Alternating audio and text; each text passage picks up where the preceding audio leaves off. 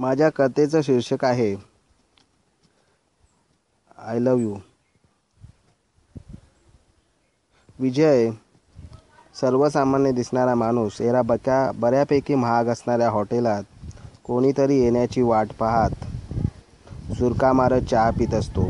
पण कपाने पशीने चहा पिणे त्याच्या गावातच नव्हते. गरम गरम चहाचा कप तो मिनिटात रिकामा करत असे. पण येथे वेळ काढायचा म्हणून तो थेंब थेंब चहा पित होता. चहा पिता पिता आजूबाजूचेच नव्हे तो हॉटेलच्या समोरून येणाऱ्या जाणाऱ्या रस्त्यावरचे सौंदर्यही तो आपल्या चिमुकल्या डोळ्यात साठवून घेत होता.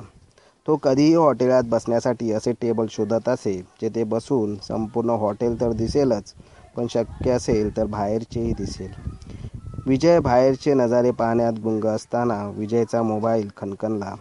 विजय मोबाईलवर म्हणाला आत आत ये मी लाल रंगाचा शर्ट घातला आहे. खरं म्हणजे त्याला परिधान केला आहे म्हणायचे होते. पण समोरच्या व्यक्तीच्या डोक्यावरून जाईल म्हणून त्याने ते बोलायचे टाळले. विजय हॉटेलच्या दरवाजाकडे पाहत असताना त्याला समोरून एक सुंदर नाही तर मादक तरुणी येताना दिसली आणि त्याच्या डोक्यात विचारांचा खेळ सुरू झाला. सुंदर असणे आणि मादक दिसणे यात बरेच अंतर आहे. गोरा रंग असणाऱ्या गाळावर खळ्या असणाऱ्यावर तीळ असणाऱ्या मुली सुंदर असतात पण मादक असतीलच असे नाही. मादकता पोशाखातून येत नाही अथवा शरीराचे काही भाग उघडे ठेवल्याने येत नाही. पुरुष सुंदर दिसणाऱ्या स्त्रीशी लग्न करतात पण त्यांना बायको मादक हवी असते. त्यामुळेच सुंदर दिसणाऱ्या बायकाही नवऱ्याला आपल्यात फार काळ गुंतवून ठेवू शकत नाहीत. सुंदर दिसणाऱ्या बायकोने नवऱ्याला स्वतः समर्पित केले आणि त्याच्या पोरांना जन्माला घातले. म्हणजे त्या नवरा बायकोत प्रेम असतेच असे नाही.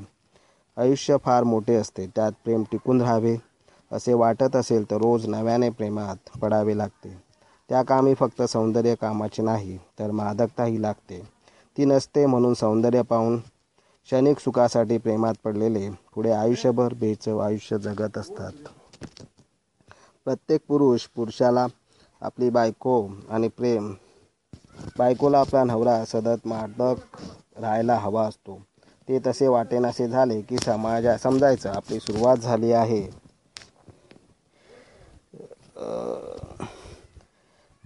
कुत्र्या मांजरासारखे जीवन जगायला. त्या मादक तरुणीला पाहून आणि पुढच्या का आणि पुढचा काही काळ आपण त्या मादक स्त्रीसोबत गप्पा मारत गप्पा मारत राहणार आहोत. हा या फक्त विचाराने त्याच्या मनात फुलपाखरे उडू लागले होते. या फक्त विचाराने त्याच्या मनात फुलपाखरे उडू लागली होती. ती तरुणी त्याच्याजवळ येताच तिने हाय म्हणत हात पुढे केला. विजयने हळूच आपला हात पुढे केला. तिच्या नाजूक हाताचा स्पर्श त्याच्या हाताला होताच तिचा हात आपल्या हातातून मोकळा करूच नये असे त्याला वाटत होते. पण तिच्या नजरेत विजयाला स्पष्ट दिसत होते की तिच्या चेहऱ्यावर एका सामान्य माणसाला भेटल्याचा भाव आहे.